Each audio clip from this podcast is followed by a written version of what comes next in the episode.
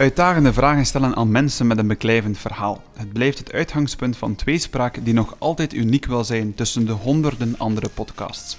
Verhalen die vanuit de buik of het hart, soms rationeel of gevoelig, maar vooral recht voor de raap zonder scrupules. Ook vanavond legt iedereen zijn kaarten op tafel. En dat hebben we maar al te graag, nietwaar Steven? Dat is zeker Pieter Jan. En wat nog zeker is, is dat we vandaag Ana Lucia Moreno Goncha en Paul Renson verwelkomen. Op haar Instagram-pagina Atelier Amor schildert Ana Lucia, nu al acht jaar in België, Mexicaanse worstelaars vol kleurrijke maskers en kostuums. Paul is CEO van het familiebedrijf Renson, een trendsetter in ventilatie, zonwering en outdoor living. Een van de snelst groeiende bedrijven in ons land met quotes als We have jobs langs de E17. Vanavond leert u beiden op een andere manier kennen in tweespraak. Welkom Paul, welkom Anna Lucia, of Anna, als ik Anna mag zeggen. Mag. Van harte welkom in onze studio. Eerst en vooral, hoe gaat het met jullie, Paul? Eh, goed, ik ben content. Van de morgen naar Tuzet geweest en positief nieuws gehad. Dus eh, Voilà. de gezondheid is zeer belangrijk. Ja, fantastisch. Persoonlijk positief nieuws. Persoonlijk positief Ja, nieuws, ja, ja. ja, ja, Je bent in goede conditie. Eh, ja, ja wat, ik heb twintig jaar geleden een tumor gehad, een zware tumor. En eh, allee, ik moet ieder jaar op controle gaan. En eh, het is wel aangenaam om iedere keer te tonen, maar als je je goed voelt, is dat natuurlijk beter. eh weet, weet op voorhand dat eh hoe zit. Dus positief nieuws vandaag. Fantastisch. Dus in een dag kan niet meer stuk, Paul. Dat is een feit. Fantastisch. Ana Lucia, hoe was jouw dag? Mijn dag was gewoon.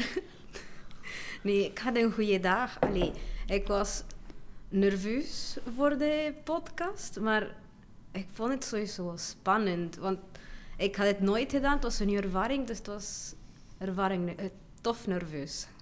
Wat misschien nog een keer voor de luisteraars uitlegt, we hebben het al in de intro een beetje gezegd, wat je concreet op vandaag mee bezig bent.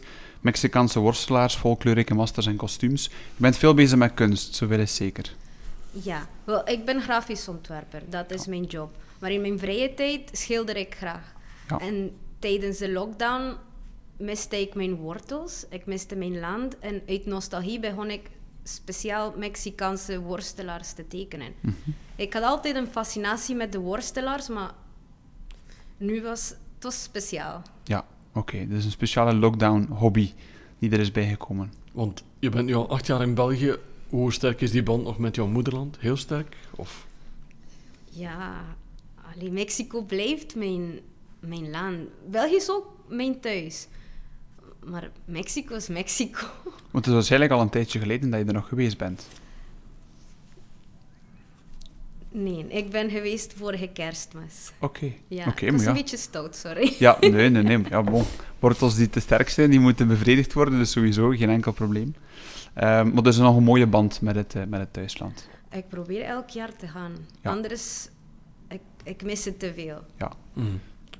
Paul, heb jij iets met Mexico eigenlijk? Of, of helemaal niet? Ehm, wat, ik- weer moet terugkomen op mijn tumor, daar eh, heb ik het ontdekt. En eh, in Tulum, weet je, kent wel Tulum, hè? Oh, Mijn Ja. nicht heeft daar een, eh, een hotel in Tulum. Mhm. En eh, dus dat was een slechte ervaring eigenlijk. Mm.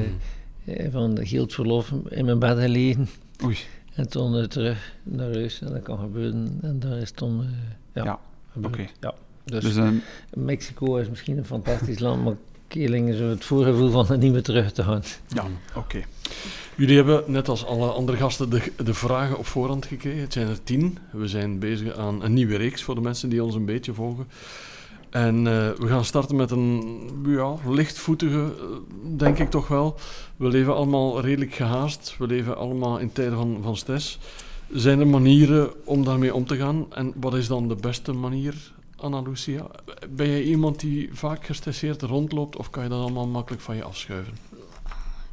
ik ben een stresskonijn. Maar ja, ik probeer om geen stresskonijn te zijn. Daarom, ja, ik doe pilates graag. En ik schilder super graag. Als ik kwam naar België om, om mijn Nederlands te oefenen en voor mijn stress te behandelen, had ik een hobby nodig. Mhm. En als ik schilder, ik, ik ben in mijn eigen wereld. Ik denk over niets anders. Het is gewoon focussen om ah, kleuren, compositie, wat ga ik doen. Het is echt ontspannend. Oké, dus eigenlijk echt rust vinden in stilte ook een beetje. Ja, Ja. dus mijn time for myself. Paul, een heel druk bezette man is denk ik een understatement om jou te omschrijven. Maar hoe ga je daar in godsnaam mee om? Hoe komt eh, Paul Renson nog tot rust? Eh, eerst en vooral, wij reizen zeer graag. Dus eh, regelmatig, ehm, toch één keer per maand. Om een keer zijn we de weekend weg naar het buitenland. Eh, dat is één natuurlijk, met de covid was dat iets moeilijker. En anderzijds, eh, tot rust komen is eh, veel sport doen. Mhm. eh, naar buiten zijn en ook in de natuur. Ja. Even paardrijden, eh, met de motors rijden en eh, Ja. genie- genieten en wandelen en, en fietsen eh, in Ja. de natuur. Dat heeft een enorme eh, gevoel van eh, de natuur vinden we uitzonderlijk. Mhm. En genieten van alles wat dan we zien en eh, wat dat, de boom, de, alles rondom u. het is, de kunst is denk ik van het te zien. Ja. En daar geniet men enorm van. En als je dan daar bent, kun je dan 100% de klik maken van even Ja. niets. ehm, Ik denk dat ik daar sterk in ben om zeggen, nu ga ik er niet meer aan denken. En Ja. dan, eh, mijn vader zei altijd, slaap er een keer over en het gaat vanzelf hem oplossen. en effectief, dat gebeurt veel. ja. Dat je het morgen zegt, ja kijk, eh, we gaan het zo terug op te lossen. En, eh, Ja. en ook natuurlijk mee ouder te worden, leer je veel meer relativeren. En dat is ook een heel belangrijk gegeven, relativeren. Ik ben ook geen perfectionist, dus ik denk van een perfectionist is niet altijd evident om... eh, eh, je blijft ermee zitten, terwijl dan weer gemakkelijk, een, eh, Ja. gemakkelijk is. Het ja. Ja. Je, je liet dat net ook vallen met de motto's gaan rijden. Ja. Vertel eens. Dat Ja, wel. lijkt me geen evidente Nee. hobby voor, eh, voor jou. Maar, maar wij zijn altijd, eh, als we een race doen, avontuurlijke reizen. De kinderen willen ook avontuurlijke reizen. En ik ben eigenlijk begonnen met eh, vrienden die allemaal, eh, waar dan de dochters ook eh, bevriend waren. Dus we gingen met vader en dochter eh, naar Afrika. Mijn eh, Congo twee keer eh, gaan rijden. Dus maar avontuur eh, op gaan zoeken en eh, dat vinden we plezant. Dat niet een door, dus allee, de eh, klappen er altijd terug van, van die avontuurlijke, van niet gewoon op strand te gaan zitten, dat interesseert ons niet, maar meer van iets te beleven. En eh men dat in Afrika en Senegal gedaan, in Namibië gedaan. eh, en je komt alle soorten dingen tegen die. eh, je komt alle soorten dingen tegen die je nooit verwacht en buiten het alledaagse. Ja, oké. En ik moet ook zeggen, alleen, eh, daardoor in de dochters ook eh, eh, geleerd eh, van ja, alles, hey, onderhandelen in Afrika moet je continu onderhandelen.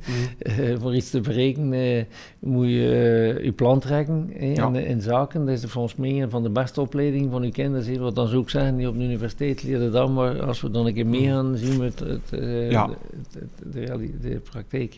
En een, een typische dag bijvoorbeeld bij u, Paul, is waarschijnlijk ook een, een drukke dag als er dan moet gewerkt worden. Hoe ziet die eruit bij jou? Een, een typische dag?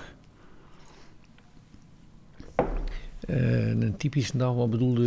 Bijvoorbeeld een, een typische dag als vandaag, of ik weet niet van morgen Ja. het u zit, maar laten we Ja. zeggen een typische werkdag. Ben je dan vroeg de veren? ehm, Eh, of, of, Nee, ik ben geen eh vroegeling. Eh, Ik ben wel eerder een avondmens. ja, en eh, het eerste dat we doen is kort eh, zwemmen, ja, Ja. morgens, voor fit te zijn. En natuurlijk met de fiets naar het bedrijf, dat is mijn, eh, het liefste dat ik doe, mijn elektrische fiets. Maar te weinig. eh, en daar zoek ik toch wel meer aandacht aan besteden, omdat je komt toe en je zit eh, fit en eh Ja, je ja, hebt al ja. heel de natuur de dag eh, start. En het is Tuurlijk. mooi voor dat te zien eigenlijk. ja, ja, ja, oké. oké. Anna Lucia, heb jij ook die sterke verbondenheid met de natuur? Herken je dat wat Paul vertelt? Ja, ja, eigenlijk wel. Allee, iedereen zegt altijd dat er is veel natuur in Mexico en hoe komt het dat je mist Mexico niet in de natuur en die en dat. Maar ik vind persoonlijk dat, is, dat er is veel meer natuur in België, maar gewoon, je moet niet naar een plaats reizen voor natuur te zien. Overal heb je hier natuur. En dat zie ik ook graag. Gewoon mijn, fiets nemen en gaan fietsen voor twee uur. Dat is wel... Dat is zalig, dat is waar. De natuur zien. Ja. Maar op zich is natuur ook iets moois. En natuur is ook misschien iets die kan inspireren. En wat dat er nog kan inspireren, is misschien wel een persoon. Dat brengt ons naadloos bij de volgende vraag. Ehm, die is de volgende. Welke beroemdheid, dat kan een enkelvoud of meervoud zijn, welke beroemdheid kan je inspireren? Iemand dat je zegt van, dat is nu effectief iemand dat je zelf zegt van, dit is een beroemdheid dat je naar opkijkt, bijvoorbeeld. Anna Lucia, heb jij een bepaalde beroemdheid dat je nog altijd kan of mag inspireren? Ehm, ja. ja, voor mij is dat persoon Sofia Vergara. Mhm. Ze is meest bekend omdat ze heeft de Gloria Preaches gespeeld in de Amerikaanse serie Modern Family. Het is een actrice voor de mensen die haar niet kennen. Ja. Nee? Ah, wel. Ik ken haar niet, vandaar Nee? mijn vraag. Ja. Ah, sorry. Wel, ze, ze speelt een rol in een bekende serie. En in de serie spreekt ze met een groot, groot Spaanse accent. Mhm. En wel, op het begin, als ik kwam naar België wonen, ik was bang dat ik zou een nieuwe taal leren, fouten maken. Eh, als ik slecht spreek, gaan de mensen mij niet begrijpen. Ik, goed moet, ik moet geen fouten maken, goed babbelen, alles moet perfect zijn. Maar ik vond wel inspirerend van haar dat ze, ze sprak gewoon zoals ik wilde. En ze is zo bekend geworden. In 2015 was ze het best, het hoogste betaalde actrice in de Verenigde Staten. En gewoon, gewoon zo te babbelen zoals ik wilde. Dus zij heeft mij vertrouwen gegeven om ook te babbelen met mijn accent en geen schrik, geen schrik te hebben. Mhm. Mhm. Jouw, jouw Nederlands is trouwens heel mooi. Dank u. Ja, nee, mag gezegd zijn. Paul, heb jij een bepaalde beroemdheid dat je zegt van die inspireert mij? Ja, ehm, ons DNA is eigenlijk eh, van alle generaties innovatie. Mhm. En eh, Elon Musk vind ik toch wel een uitzonderlijk figuur die erin slaagt tegen de hele traditionele wereld ehm, toch ehm, te durven eh, uitdagen en met nieuwe zaken naar buiten komen. Kijk, gewoon de auto-industrie. Hij slaagt er toch in door, door erin te geloven, met de passie, Ja. eh, toch de, de wereld te doen, inzien dat eigenlijk eh, ja, die vervuiling dat dat moet gedaan en dat elektriciteit een oplossing is. Ja. Eh, toch fantastisch. Dan de raket dat hij eh, stuurt, Mhm. dat de NASA ja, niet meer mee kan in de kost en dan zij moet beginnen de raket naar hem komen. Ja. Dat ze terugkomen, dat hij ze kan gebruiken. Ongelooflijk wat hij mee bezig is. Ja. En hij slaagt er toch iedere keer in om eh, iedereen te ja, door ja. zijn passie en door zijn...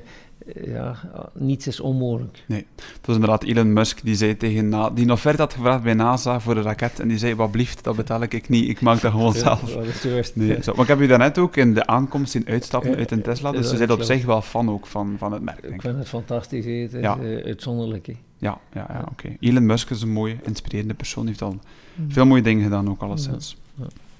We gaan naar de derde vraag. Eh, het gaat over gelukjes. Soms zoeken we dat ver, Mhm. soms liggen die voor het grijpen, eh, liggen die elke dag op ons te wachten. Welke kleine gelukjes maken je intens blij, Anna Lucia? Ehm, het is super eenvoudig, maar papaya eten. Dat is het hoogste punt van mijn dag. Als ik mijn, mijn eerste break heeft om tien uur 's morgens, ik eet mijn, mijn kom papaya. Want, sorry. Als ik naar België kwam, het is altijd gerelateerd met Mexico. Maar ik miste mijn fruit, want elke dag in Mexico had ik mijn fruit. En hier hebben jullie alles per seizoen. Dus aardbeien is een seizoen en die is per seizoen. Ik, ik was niet gewoon. En het fruit dat ik het meeste miste was papaya. En ik dacht elke dag, oh, ik mis papaya, ik wil papaya eten. Maar ik kon het nergens vinden. En iedereen sprak, ja, ga naar hier, die specialiteitswinkel, of ga daar. Nowhere een papaya te vinden. Dus ene dag was ik aan het wandelen in Kortrijk. Ik heb een winkeltje gevonden en boem, een papaya. Ik, en groot, super lekker papaya, hoe het moet zijn. Want soms vind je dat op een winkel, het is zo, het is klein en diep gevroren en het smaakt niets. Maar die was een, oh, ik was zo tevreden. En voor de, voor de mensen die het niet kennen, kan je omschrijven hoe dat een papaya smaakt? Wel, super zoet. En het is zacht. Want soms op de winkel zijn ze klein en hard en groen. En ze zijn zo hard, je kan het zelfs niet like, snijden. Ja. Maar een papaya is groot en het, het ruikt zoet en het is oranje. Het moet Ja. geel van buiten en oranje van binnen zijn. Oké. Dus het kleine gelukje van Anna Lucia is een grote papaya. Een, een, een dag zonder papaya, is dat dan een minder geslaagde dag? Want je eet dat bijna dagelijks, denk ik. Ik eet het dagelijks. Paul, Sluit je je aan bij de papaya of heb je toch een ander klein gelukje? Ik eet zeer graag fruit. Ik vind dat... eh, het is misschien te veel, maar echt- en ook vooral het echte fruit. Als je in Afrika zit of als je in Mexico zit, daar heb je eigenlijk het echte fruit. Mhm. Eh, maar voor mij, wat toch belangrijk ook, is morgens om aan de zee te zijn, gaan zwemmen in de zee. Dat vind ik fantastisch. eh, aangenaam, gezond. Oké. Hey, en eh, het trekt je maag open en je kunt er nog hoepstides niet eten. En eh, dat vind ik toch echt eh, aangenaam. Maar dus door, door weer en wind? Ik, Door weer en wind, Amai. de zeer ben. De zeer ben. maar dus gewoon zonder... Allee, dan een bepaald pak aan? Nee, nee, echt gewoon... nee, maar Amai. natuurlijk zijn niet een keer dat het koud wordt. Tuurlijk, eh, tuurlijk. eh, maar ja, dat is voor mij eh, eh, aangenaam en ik geniet er enorm van. Mhm. Ja. Oké. Ja, komt- dus- Men zegt dat je herboren uit het water komt. Zo is, is dat, is dat dat, klopt, dat klopt. klopt. Ja. Hij zei wakker, hij zei direct wakker. Allee, En zo, de generaties nemen dat over in de tijd. De kinders, ja, ik zei, oh, je moet mee. Oh, ja, ik ken dat, dat is altijd een beetje...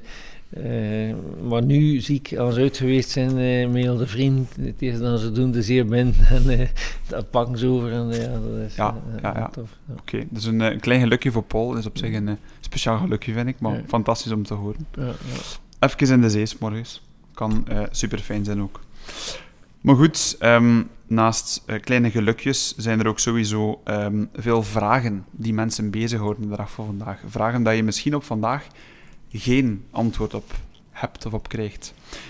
Vandaar komen we aan de zevende vraag. Die kan misschien een keer beginnen bij Paul. Op welke vraag zou je gewoon graag een keer een antwoord krijgen? Je denkt van, dat is nu een vraag dat mij al een tijdje bezighoudt, of dat ik geen antwoord op weet of op Hmm. krijg. Ja. Op welke vraag wil je graag een keer een antwoord, Paul? Ik denk dat er in België enorm veel talent zit. Enorm veel talent. Je ziet eh, de top, eh, eh, wat is het, van Boxmeer die Heineken leidt. eh, van Nestlé, eh 360.000 man eh, die ehm, ehm, Paul. Mhm. eh naar Rogge, Jacques Rogge, die Olympisch... eh, uitzonderlijke mensen allemaal en die komen allemaal uit België. Mhm. We zijn veel te bescheiden. En eh, voor mij, België is een, van, is een aangenaam land, heeft veel mogelijkheden. Eh, eh, veel mogelijkheden, maar de vraag, het is ook zeer complex.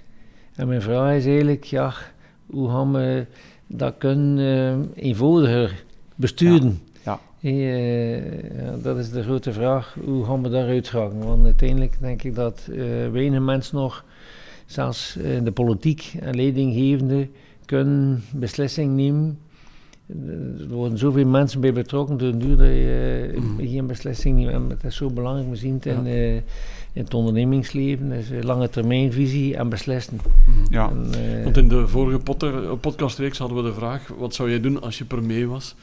Wat zou jij bijvoorbeeld concreet veranderen dan? gewoon proberen eh, die structuur te vereenvoudigen. Door die structuur, ja, het is zodanig complex geworden dat niemand nog weet hoe gaan we het hier oplossen. Goed, dus premier Renson gaat nog niet voor direct zijn, maar er zit dus wel veel veranderen. Wel veel veranderen, ja, niet de revolutie, maar toch zorgen dat eh eenvoudiger kan beslist worden en dat er vooruitgaan kan. Dat is een beetje zoals het voorbeeld in Zwitserland. eh allee, toch wel eenvoudiger en met minder mensen. eh, ja, dat is de, denk ik de juiste beslissing nemen. Maar Ja. je ziet dan even de covid hoeveel gezondheidsministers, ja, wie weet het nog, hè, wie Mhm. dat niet evident is. Ja, er zijn heel veel mensen die aan touwtjes trekken en het is één Mhm. grote eh, poppenkast soms inderdaad. Dus eh, oké. Heb je politieke, omdat we de vraag gesteld hebben, Paul, zie je het jezelf ooit doen? Politieke ambities nog? Nee. Nee, nee. Nee, dat nooit gehad. Nee, wel interesse, maar niet... eh, Ja. nee, nee, nee. Dus je volgt het wel, Ja, maar van op een Ja, afstand. zo is het. Ja. Ja, ja, ja. Zou, zou dat een wereld zijn waarin jij je aard. Want het is toch een heel bijzondere wereld, Zo, zeg maar. nee, nee, waar, want allee, ik ken ik vrienden die ook erin gestapt zijn.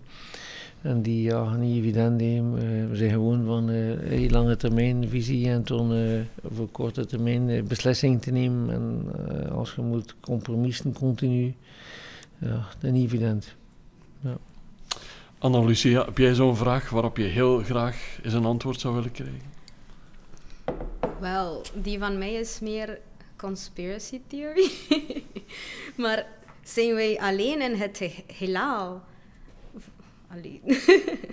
Want, ofwel, nog belangrijker, hebben wij al contact gehad met aliens? Want we zijn, de wereld is zo groot En zo oud. En nu dat Elon Mus- Musk nu bezig is met naar Mars te gaan reizen of zo. Er zijn zoveel mogelijkheden. Allee, misschien binnen 20 of 30 jaar kunnen we in contact hebben met een Marsmannetje. Wie weet. Mhm. Wa- waarom houdt je dat, dat bezig, die vraag eigenlijk? Want er moet meer zijn in leven dan gewoon geboren zijn, werken en dan doodgaan. Allee, de wereld is, er is zo groot, zoveel planeten, zoveel, zoveel universes en de Big Bang Theory. Het kan niet zijn dat dit is alles dat we hebben. Ja. En wat denk je dan zelf? Ik, eh, allee, ik vind dat zelf wel een boeiende vraag. Veel mensen zeggen uiteindelijk kan het perfect dat er nog een planeet is als de aarde. En dan zijn er eigenlijk twee mogelijkheden. Ofwel staan die verder dan ons, ofwel staan die minder ver dan ons. Wat denk je dan zelf? Mocht er nog leven zijn ergens, denk je dat dat een, een soort aarde is of iets totaal anders? Ik hoop dat het iets totaal, totaal anders is. Ja. Allee, dat is anders. Eh, dat is saai. Ja, Hetzelfde als, als wij hebben hier. Ik wil ik- een, een rode marsmannetje, groter, kleiner, drie ogen, maakt niet uit. Meer dieren, meer sterren, meer manieren van reizen. Het moet anders zijn. ja. Ik vind het nog altijd trouwens een enge gedachte. Dat je niet weet waar het heelal eindigt. Ik vind dat nog altijd een, eh, een boeiende Ik gedachte. ben blij op aarde. Ja, ik ook wel. Maar dus de nieuwsgierigheid naar zou er iets meer zijn. Ja, maakt me denken aan dat Belgische liedje. Is er leven op leven Pluto? op Pluto? Want Ja. En Kun je Pluto is, op de maan? ja, Is Pluto is zelf geen sterren sterren waar ik waar je mee heen kan Je gaan? Voilà. kent al het Nederlandse lied eh, door en door, uh, Annelies. Prachtig. Ik heb het geleerd in mijn Nederlandse les. Ah, voilà. Dus met zo'n liedjes dat je het best leert, denk ik. Hè. En dan zegt de zanger, ik heb getwijfeld over België. Ik, ik heb geen twijfels over België. Oké, super, ja. Ideaal.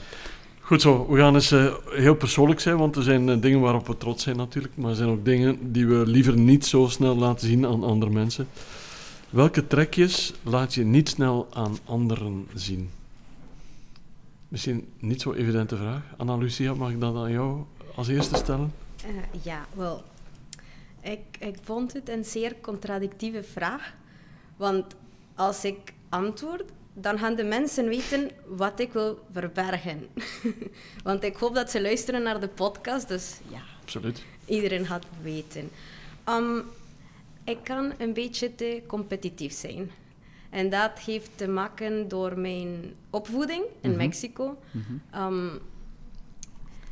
wel, ik ga een klein voorbeeld geven. In Mexico, voor de beste kansen te hebben, moet je de nummer één zijn. Misschien de tweede, maar je moet altijd winnen op school, op sport, Mhm. muziek, talent, maakt niet uit. We waren met 60 op een klas en er was maar één beurs voor de topuniversiteit. Voor de rest, ja, je moet vanzelf betalen. En wel, ik bleef nog een klein beetje competitief. Het is niet slecht, voor mijn werk is goed, voor sport is goed. Maar op dagelijks leven is niet zo gezellig. Mhm. Met vrienden, met vrienden is niet zalig, eh, met collega's is soms niet zalig. Dus ik probeer dat aan de kant te zetten. Mhm. En Paul heeft het gezegd, ik ben al dankbaar altijd, dat in België heb je veel kansen. Het is waar, ik had de kans om, om Nederlands te gaan studeren, om een inburgeringscursus te volgen. Ik had veel kansen zonder failliet te gaan. Ik, er, ze hebben mij geholpen. Dus, en daarom, daarom kan ik het nu ook gemakkelijker aan, aan de kant te zetten. Mhm. Ja. Heb je het gevoel dat België minder competitief is dan Mexico? Nee, het is wel competitief. Kijk, kijk naar Rensor, kijk hoe groot dat ze zijn. Het is, het is niet zo. Maar ik weet dat het is nog geen perfecte land.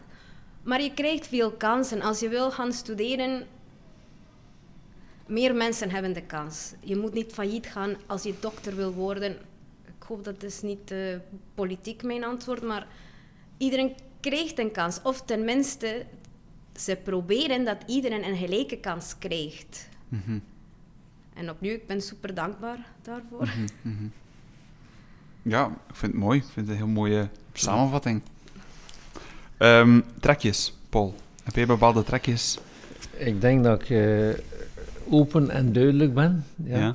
Maar ehm, soms, ik denk als West-Vlaming, kunnen niet altijd je uitdrukken, zoals dat eh, een, een Fransman of eh, een ander die kan een hele een uitleg geven en eh, die misschien tien woorden meer heeft of dan wij maar één woord hebben. En we zijn ook niet, nooit gewoon geweest van ons, ons beter uit te drukken. Ik geef een voorbeeld. In de tijd eh, was er bij ons een raad van bestuur. Mhm. Ja, in de tijd van mijn, eh, mijn, eh, mijn onkel. En hij zag dat sommige keer aan het, aan het eh, lawaai aan het maken worden en aan het roepen worden. En hij, hij zei, ils vont se battre. Hé, dat was toen nog in het Frans, de raad van bestuur. En hij zei, nee, nee, nee, nee, ils causent entre eux. Dus eh, ik weet niet, je begrijpt ermee. eh als we geen gelijkerheid beginnen met luider te gaan en luider en we denken hoe luider dan we spreken, hoe meer dan we zekerheid in. Dus eh, we niet de haven van het woord, en je niet de haven van het woord heeft, dan kun je soms tamelijk, eh ik zoek zijn, eh cru zijn eh, in het woord, tamelijk, eh, Je mist een beetje nuancering. ja, ja, nuancering, dat is, Mhm. dat is, dat is. Mhm. En eh, soms eh, kan dat de hard aankomen eh, voor iemand. Ehm, en dat is eh, toen achteraf zijn dat je misschien een beetje te hard eh, uitgesproken. eh, en, en dat is dan eh, ja, die, die, die tekortkoming. eh, Ja. ik denk. Maar je ook waarschijnlijk iemand die voor iedereen een beetje goed wil doen, aan de ene kant. Eh, het is de bedoeling hè, dat Ja. we mensen in rondom ons die eh, positief zijn, die eh, eh, positief denken, vind ik zeer belangrijk. hè. Allemaal optimistisch en eh, eh, erin geloven, hè, daar gaat het hem over. Mhm, Eh, mhm. iemand die ja, Want hoeveel, hoeveel mensen werken er nu in totaal voor Enson? eh 1000, eh 200, 1300 mensen. Ja. Dus dat is eh, een, Ja. mooie positieve beweging om al die mensen ook eh, ja mee te krijgen. Nu, dat is natuurlijk wel met een team, maar eh, tuurlijk. Ja. Ja. Maar de, de ding, hele ding zit achter ja, creating healthy spaces, gezondheid, eh, daar gaat hem over. ja, En dat is die story die je moet kunnen, dat iedereen Ja. mee is erin. En ik denk dat we daar wel... En is dat moeilijk om iedereen mee te krijgen op dezelfde lijn te zetten? ehm, het team zelf, eh, maar het is de uitdaging is van, eh, ik denk marketing naar buiten, eh, is, maar moet ook naar binnen kunnen die marketing, eh, die, die informatie brengen, is even belangrijk, of naar buiten. Dus eh, ik denk dat we er wel in slaan naar buiten, maar naar binnen moeten we ook nog meer, die, en daar zijn we nu aan, enorm aan het werken, eh, met zo'n groep, eh, dat iedereen weet waar dat we naartoe willen, eh, wat dat de uitdagingen zijn en, eh, en dat is heel belangrijk, hè, dat iedereen mee is hè, in het verhaal. ja, ja, ja. Want er is het bedrijf, maar er is ook de filosofie die jij hoog in het vaandel brengt ja, natuurlijk. ja, ja, klopt, klopt. Ja. Ja. Voor mij is het, eh, ja, de mensen moeten in contact komen met de markt, weten wat dat er gebeurt. Eh, op hun bureau zeg ik altijd, hoeveel- een vliegende krui gaan meer te weten komen over een zittende krui. Dus door buiten te zijn en door te luisteren en de juiste vragen te stellen, kun je detecteren wat is er een behoefte en hoe kunnen we innoveren. En dat is waar we altijd sterk in geweest zijn. Ja, Ja. want op zich, we hebben het daarnet gezegd, eh, je kent de quote We have jobs langs de E17. Het is op Ja. zich een gigantische vestiging die daar Ja, gezet wordt. ja. Dus het, dat kadert allemaal in de uitbreiding waarschijnlijk. Maar het moet toch een goed gevoel geven als dat, als dat blijft uitbreiden, als de mensen blijven geloven in jullie verhaal. Klopt, klopt, klopt. Ja. Dat heeft een goed gevoel. Want allee, wat we er willen doen is ook met partners samen eh, die eh, in outdoor, eh, outdoor is, is in Amerika, we zijn ook bezig in Amerika om dat te doen. Mag je niet. eh, maar ook daar wel. Ehm, het, het buitenleven wordt belangrijker. Je ziet dat duidelijk. Allee, eh, outdoor meubilair, outdoor kitchen, eh, keukens, eh, barbecues. Het, meer en meer. En daarom kunnen we goed hem op ingespeeld. En daar gaan we samen met partners die ook high-end zijn.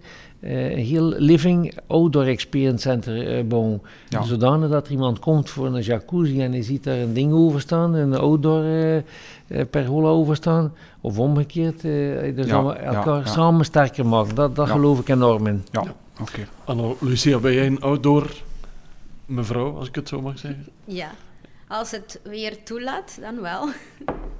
Ja. Maar Ah. als het niet toelaat, kunnen we... eh, wat kijken, ja.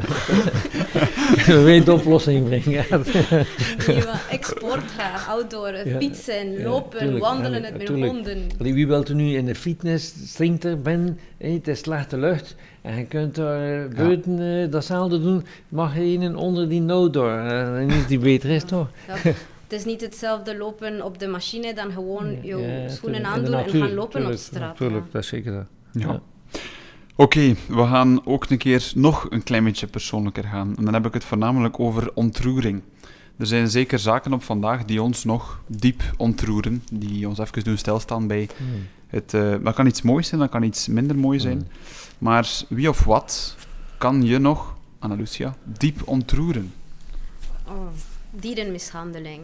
Ja. Ik vind dat immens tristig. Eh, als je ziet video's op het internet waar mensen katten of honden of paarden of vogels gewoon mishandelen, ik vind dat zo, zo triestig en zo oneerlijk, want het dier weet van niks. Mhm. We zijn de slimme mensen en toch op dat kant eh, zijn we, of niet iedereen is zo slim. Mhm. Ik wil geen specifieke voorbeelden geven, want anders is jullie podcast onzeep, want ik vind het zo triestig. Maar dat is, ja, dat is wel iets dat ik hoop dat in het algemeen in de toekomst veranderen van Ja. mensen. En waarom doen mensen dat, denk je?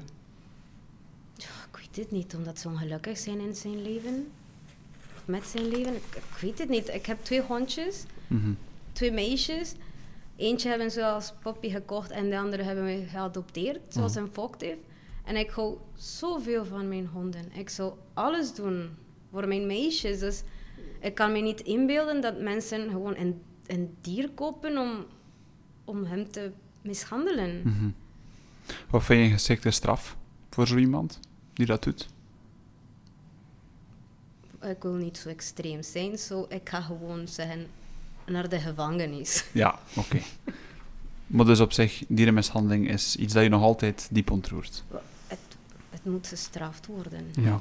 Ontroering kan ook heel positief zijn. Zijn er ook dingen die jou positief ontroeren, waarvan, waarvan je bijvoorbeeld tranen in je ogen krijgt van positieve ontroering? Heb je dat soms? Hmm.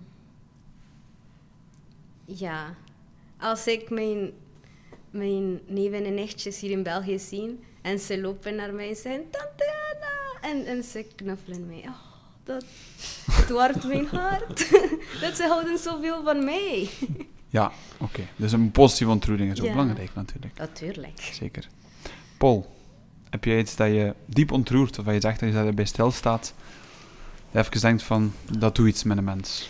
Eh, mensen in uw omgeving die eh gezondheidsproblemen krijgen, eh, toch wel eh, ehm, zwaar soms. Ja. Ja. Ja.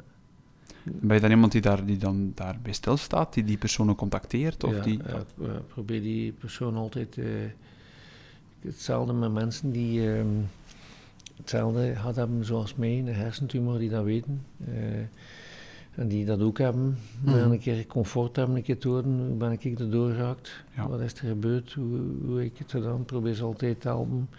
Al is het voor de juiste ehm, chirurg, de, de juiste kliniek, de, dat, dat, vind ik zeer belangrijk. Mhm. Ja. Ja. Jij hebt die hersentumor overleefd. Sta je sindsdien anders in het leven, Paul? Ehm, Of heeft dat niet fundamenteel iets nee, veranderd? Nee, nee, nee, misschien wel veel gemakkelijk relativeren. Relativeren, ja. Ja. Dat je zegt, wat is er nog een probleem? Wat, is, wat kan er nu nog een probleem zijn? Dat is veel, allee, dat is echt, ja, als je dat meegemaakt hebt... eh, Mhm. ja. Heb jij ook iets van positieve ontroering? We hebben het al gehoord, kindjes die lopen naar eh, tante Anna. Heb jij ook zoiets dat jou ontzettend blij maakt en jou ontroert, bij wijze van spreken? Ehm, twee weken geleden is mijn dochter getrouwd. En ehm, met die dochter naar... eh, het was een ceremonie in de tuin, prachtig, uniek. En eh, mijn dochter daar afstaan aan eh schoonzoon. dat heeft toch wel een beetje een ontroering in. En dan ook ehm, de manier waarop dat ze elkaar eh, toegesproken hebben. eh, Ja. Toch wel eh, uitzonderlijk. het is de eerste keer dat er iemand trouwt van uw kinders. Ja. Dat heeft toch wel een extra positieve ontroering. Ja, Mooie momenten. ja om even mooi bij te moment. staan. En bijna niemand die echt op dat moment zegt van... Paul, ik ben hier nu en geniet hiervan. En Ja, Ja. ja, Ja. dat is de bedoeling. Ja. Ja. fantastisch. Het Ja. nu-moment. Ja. het zal wel zijn. En een tuinceremonie is altijd fantastisch. Ja, dit, dit, dit. Ja. Outdoor. Oud Weer al, het komt terug. Het komt terug. Het altaar helemaal mooi overkapt. Met. Super, super. Ja. Het zou wel zijn, het zou Ja. wel zijn. Bij zo'n ceremonie hoort wel eens een liedje. eh, Ja. En dat brengt ons bij onze volgende vraag. Er zijn vast en zeker liedjes, boeken, films eh, die eh, Ja. zorgen voor een persoonlijke band. Eh, ik kan me inbeelden, Anna Lucia, dat dat ook weer gelinkt is met Mexico. Of, of zeg je, ik heb hier ook in België al iets gevonden dat mij op dat vlak eh, raakt. Eh, eigenlijk, eigenlijk niet. Die is niet gelinkt aan Mexico. Ehm, een persoonlijk, brand, een persoonlijk band is te groot een woord. Het is meer dat ik voel me in zo'n situatie nu. Dus ik identificeer me een klein beetje. Ehm, dus ik kies de film The Matrix.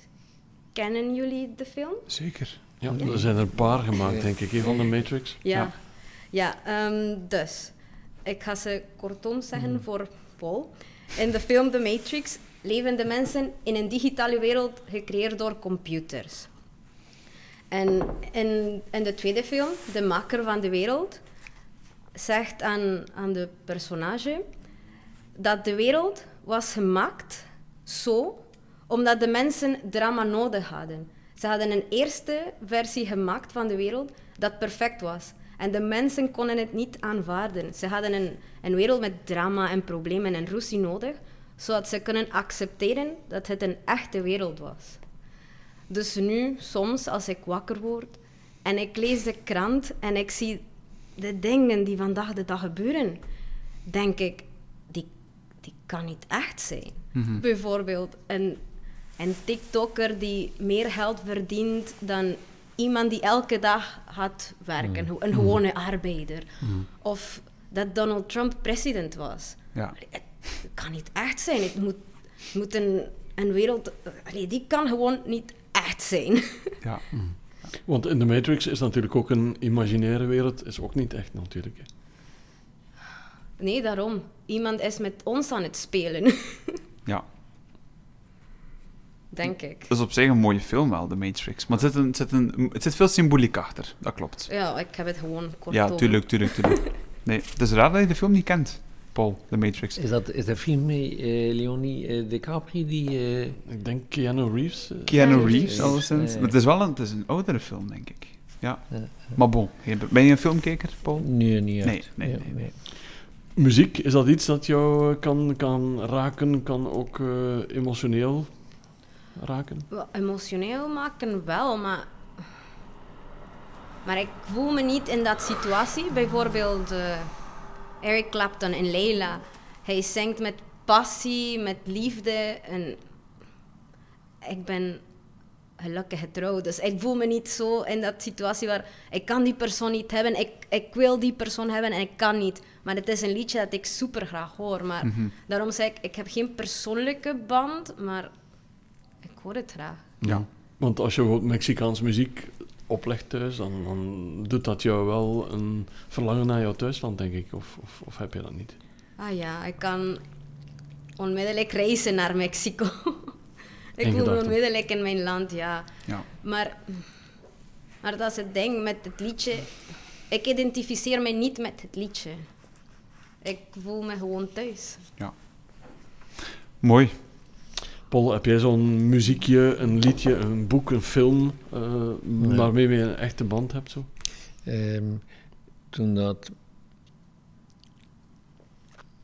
De laatste dagen toen dat mijn vader nog leefde, en dat is ook ontroering, positieve ontroering, we met de Hans familie en de kinders een ehm, PowerPoint eh, gemaakt over zijn leven.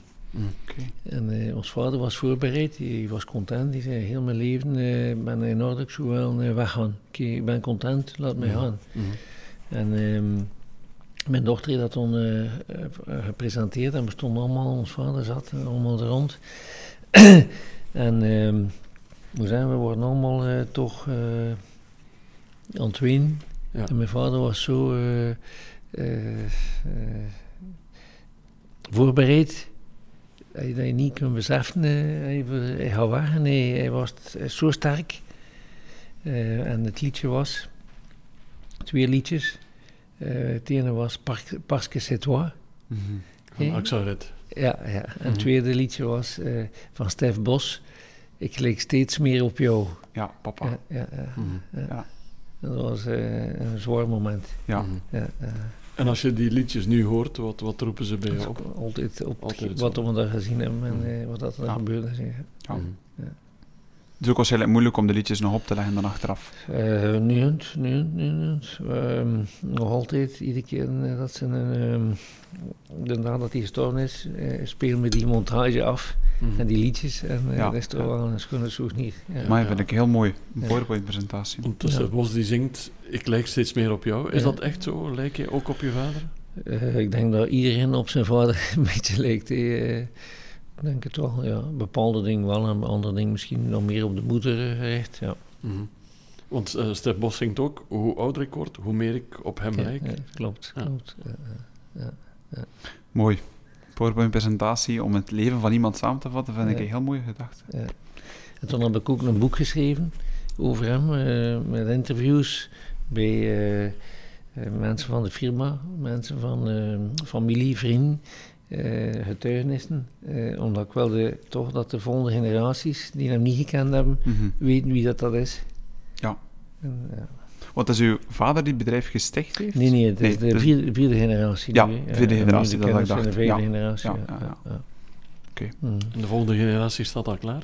Ze zijn eh, goed bezig. Zijn goed voorbereid. Ja, ja, Ja, ja, ja. ja. Oké, Fantastisch. Super. We gaan, ehm, niet dat geen positieve verhalen zijn, in tegendeel heel boeiend om te horen. We gaan er een luchtigere vraag tussen steken. En dan gaan we naar vraag 2. En die is voornamelijk, voor wat mogen we je s'nachts wakker maken?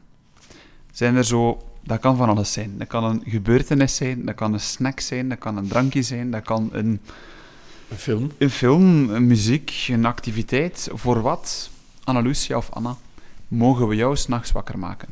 Voor niks. Oei. Slapen? Hoe, hoe moet hij jou gerust laten? Nee, voor mij is slapen heilig. Want Ja. ik ben een super slechte slaper. Like, echt super slecht. Ik heb veel problemen om in slaap te vallen. Mhm. En met de kleinste lawaai ben ik onmiddellijk wakker en ik kan niet meer slapen. Oei. Ik blijf wakker uren. Mm. Dus het moet een zeer, zeer belangrijke probleem of een levens- of doodsituatie, want anders krijg je mijn Mexicaanse fury. Of, of vertrekken op reis naar Mexico, waar hij vroeg voor moet opstaan. Dan misschien wel nog, nee?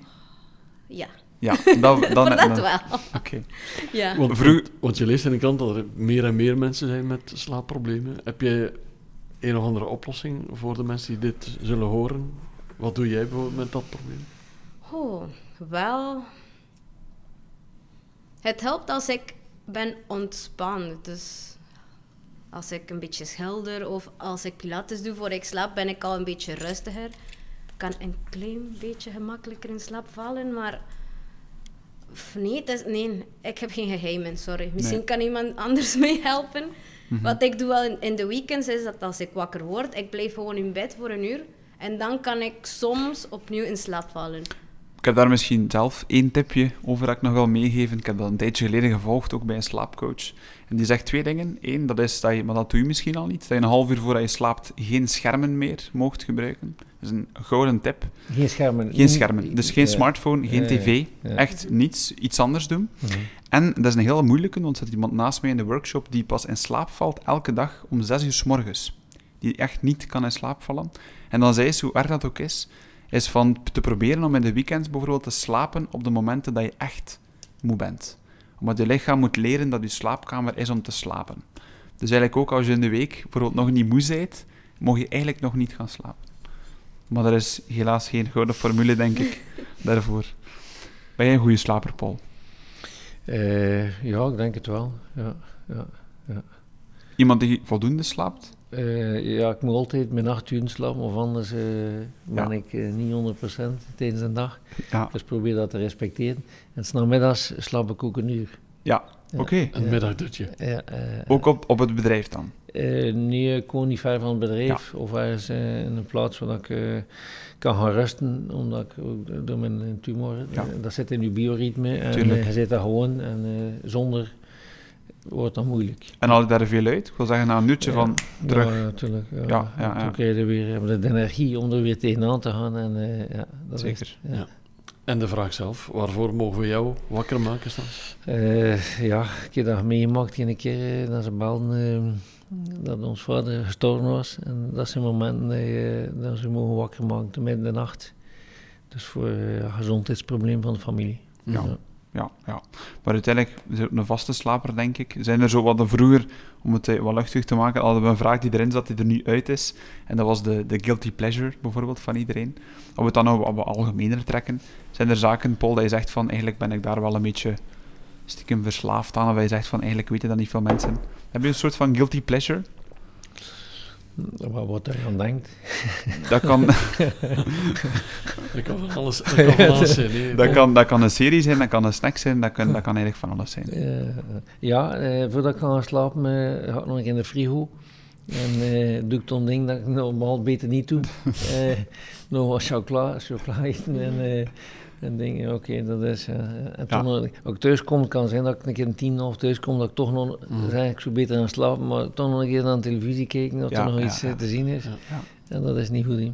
Mm. Er was nog iemand die koos voor chocolade. net maar- hetzelfde zijn. En iemand die het echt consequent doet. Elke avond, voordat hij of zij gaat slapen, Ja. een stukje chocolade. Ja, Pure chocolade. Ik weet het niet meer. Ik ook niet. Ik zou een keer moeten eh, terugkijken. Mhm. Anna Lucia, heb jij zo'n guilty pleasure, nu we toch vragen uit de vorige reeks eh, naar boven halen? Sorry, Steve. Ja, ik heb, ik heb een paar. Ehm, ik kijk graag naar trash TV. Dat is mijn guilty pleasure. Ja.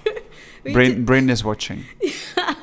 dus gewoon like, mijn hersenen like, uitdoen en ah, kijken. Say yes to the dress. Of, Oh, ja. Ja. Oké. En van eten, het zou zijn... Ik doe het niet vaak, maar ehm, het noemt een ice cream soda. Dus je hebt een Coca-Cola en je doet een grote stuk ijscream binnen en je mengt het en Oh. je drinkt. het is een guilty pleasure, sorry. Met een hamburger en Maar- frietjes.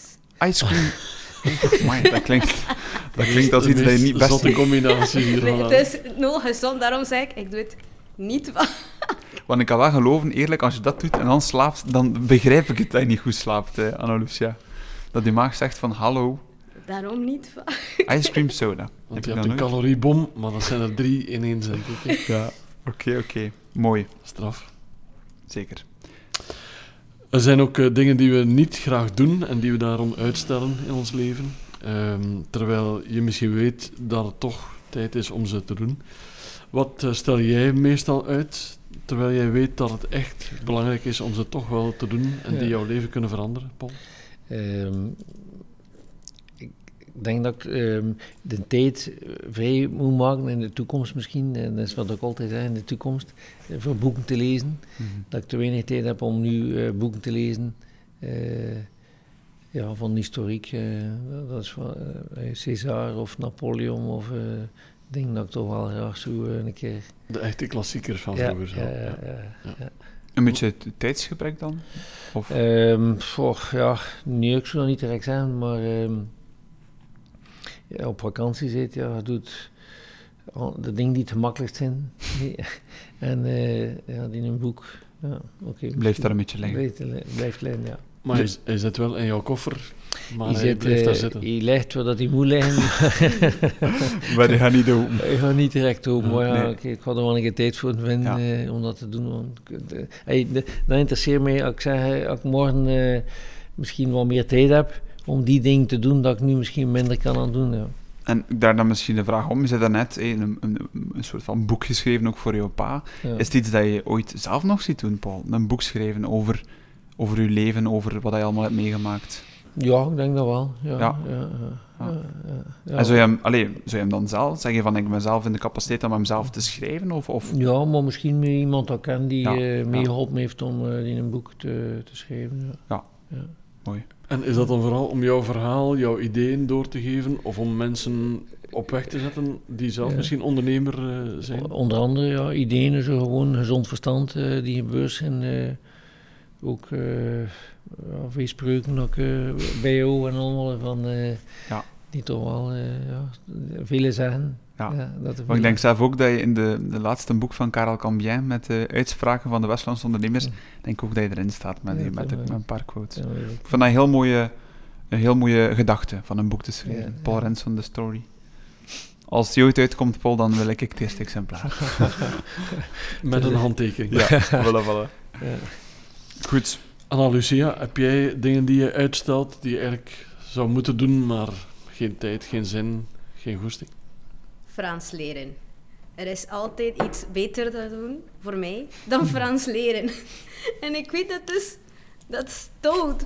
Maar eerst moest ik Nederlands leren. En ik dacht, oké, oké, ik ga ooit Frans leren. Maar nu moet ik oefenen en ik moet mijn Nederlands verbeteren. Ja, dat is een paar jaar later. Oké, het is tijd om Frans te leren. Maar eigenlijk zou ik liever gaan schilderen s'avonds.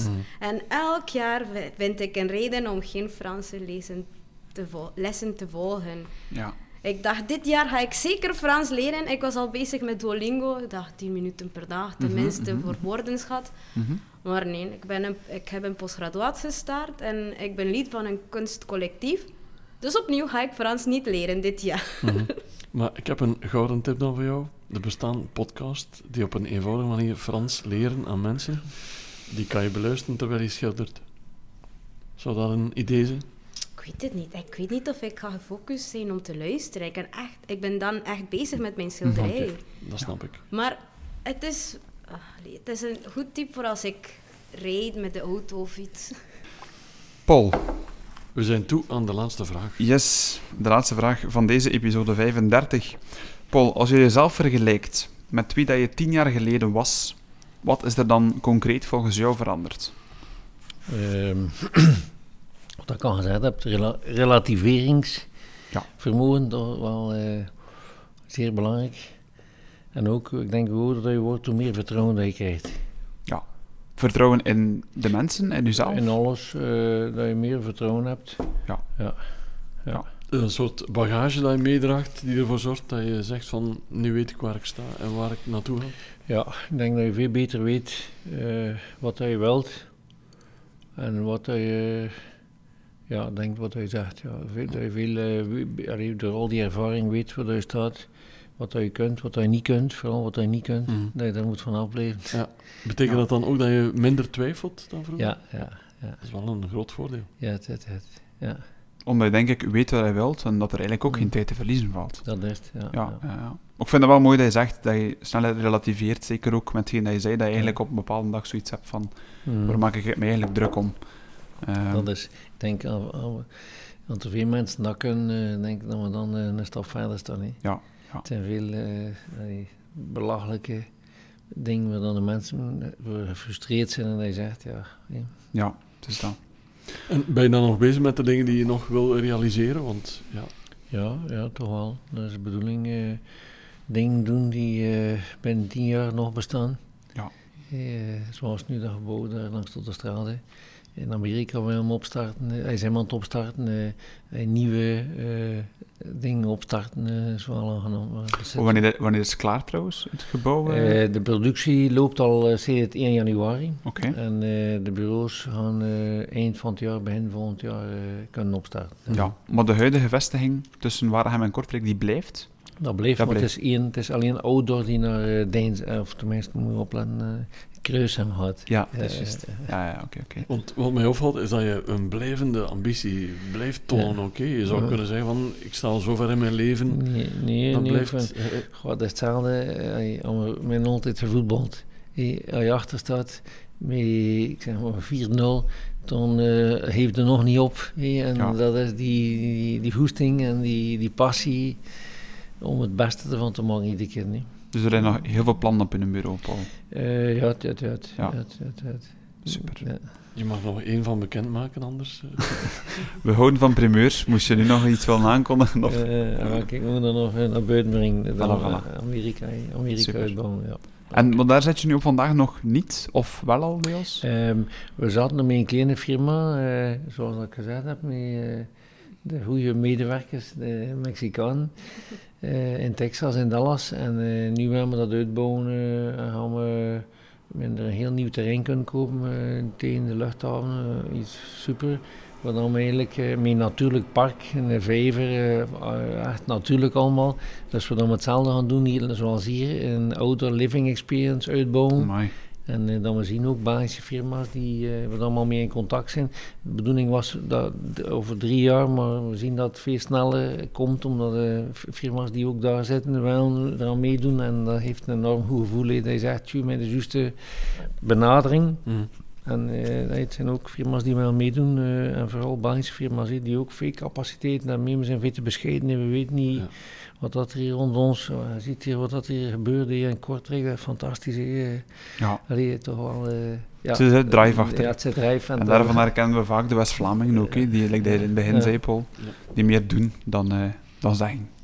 Ik moet zeggen dat ik echt een, enorm geniet van jouw heilig vuur dat er nog altijd is. Zo. Ik vond dat Want fantastisch. hoe oud ben je nu op vandaag, Paul? Eh, 61. 61. Ja. Ja. Oké. Lucia, tien jaar geleden was jij nog niet in België, was je nog in het mooie Mexico. Als jij jezelf vergelijkt met het meisje dat je toen was, wat is er dan zo allemaal veranderd? Ehm, wel, ik heb geleerd om meer naar mijzelf te luisteren en mijzelf meer vertrouwen.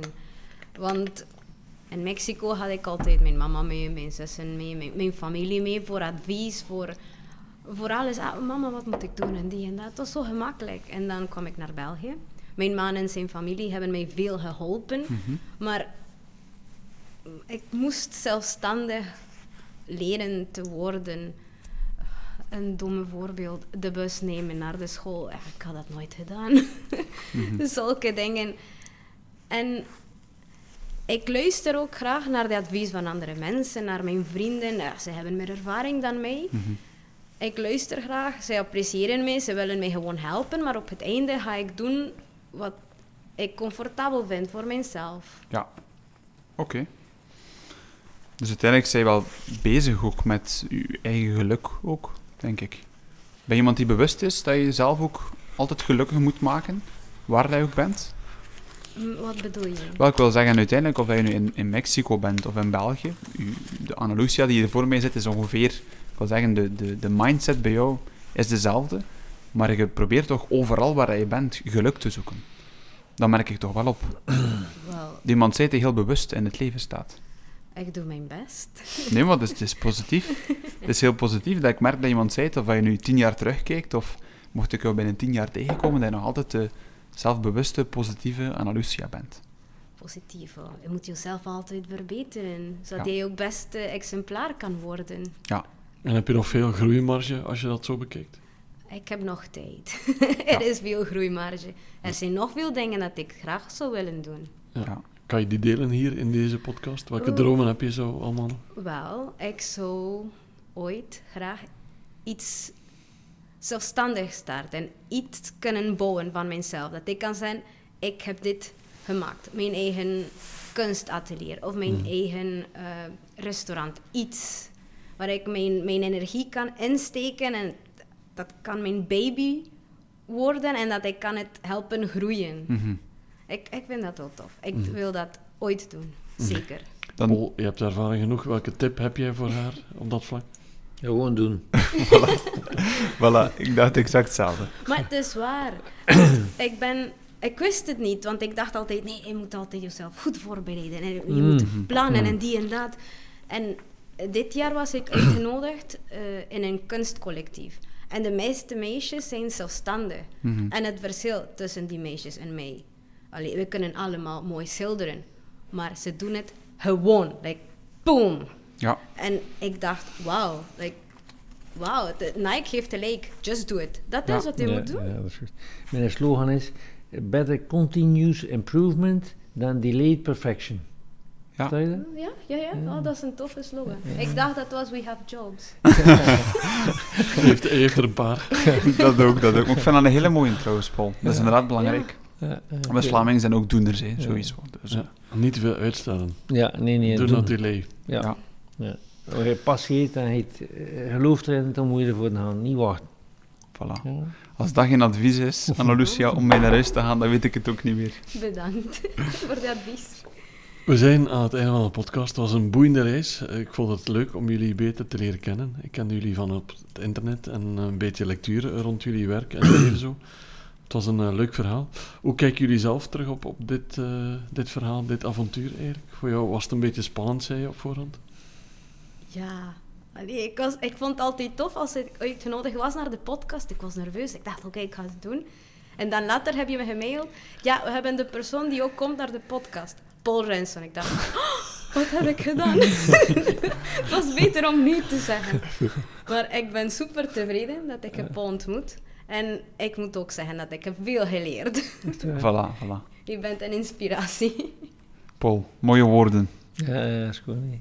Hoe kijk je zelf terug op de podcast? Vind je dat een fijne ervaring? Vond je het raar om bepaalde vragen te beantwoorden? Of? Eh, ik vind dat jullie dat zeer goed doen. En, en ook eh, de Anna, is het zo, Anna? Ja. Anna. Ik vind het tof van zo iemand jong, positief en eh Ja. toch tof. eh Wang zal content zijn van u. hè? Oké. Nee, het is, het is aangenaam van mensen die ook erin geloven en die ervoor gaan. En Ja. dat is toch wel aangenaam mee. En zeker in die situatie dat je Ja. van Mexico naar hier komt. Maar de, wat dat de vraag betreft, het is keer dat ik dat meemaak. En eh, ik vind het wel tof. eh, Ja. Vooral omdat jullie ook eh, allemaal tezamen eh, Super, aangenaam en vriendelijk zijn. En, eh, tof. Ja. fantastisch. was met veel plezier. Ik ga jullie bedanken natuurlijk voor Zeker. jullie eerlijke antwoorden, authenticiteit en jullie drive. En jullie heilig vuur in alles wat je doet. Ik vond dat bij jullie twee alle, allebei zeer sterk aanwezig. Zeker. Pieter-Jan, ook voor jou het heilig vuur. Blijft aangewakkerd. En bij jou ook, Steven, sowieso. Ik ben nog, we zijn nog lang niet klaar met twee spraken. Er komen nog heel veel boeiende episodes aan. Maar dit was wel episode 35 van Tweespraak. Tot binnenkort. En tot weespraak. Tot Tweespraak.